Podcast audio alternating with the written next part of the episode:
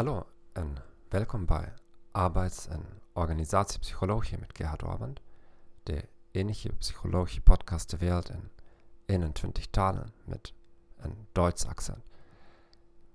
Als je student of professional bent, helpt deze podcast je om je kennis op te frissen in wekelijkse porties van niet meer dan 5 minuten. Ik doseer psychologie in Zuidoost-Europa en werk al meer dan 14 jaar als consultant. Ik ben geen expert in het Nederlands. Dat heb je natuurlijk al begrepen. Heb geduld met mij.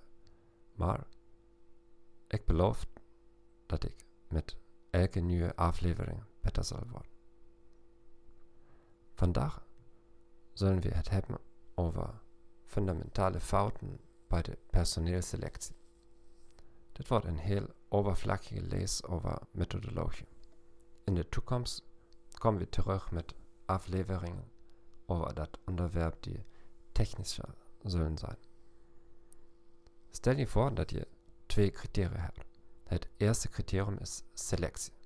Dit kan van alles zijn.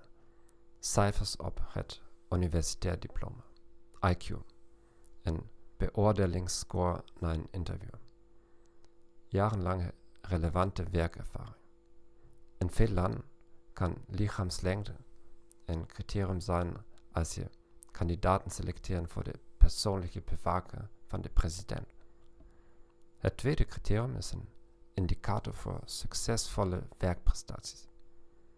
Nogmaals, daar zijn talloze criteria voor. Aantal verkopen of verkoopvolume, aantal klachten, beoordeling door klanten of partners, aantal vervaardigde producten. Als die twee criteria perfect op elkaar zouden zijn afgestemd, wat in werkelijkheid vrijwel onmogelijk is, zou je personeel zonder fouten selecteren. U stelt gewoon het minimale prestatieniveau in en u krijgt een perfecte afkapwaarde voor het selectiecriterium. In het echte leven zijn geen twee variabelen perfect gecorreleerd. U kunt iemand recruteren die niet competent genoeg blijkt te zijn, of u kunt een kandidaat afwijzen die een succesvolle werkprestatie zou hebben gehad. Als we het selectiecriterium verhogen, verkleinen we de eerste fout. Tegelijkertijd zullen we de tweede fout vergroten. Als we het selectiecriterium verlagen, verkleinen we de tweede fout.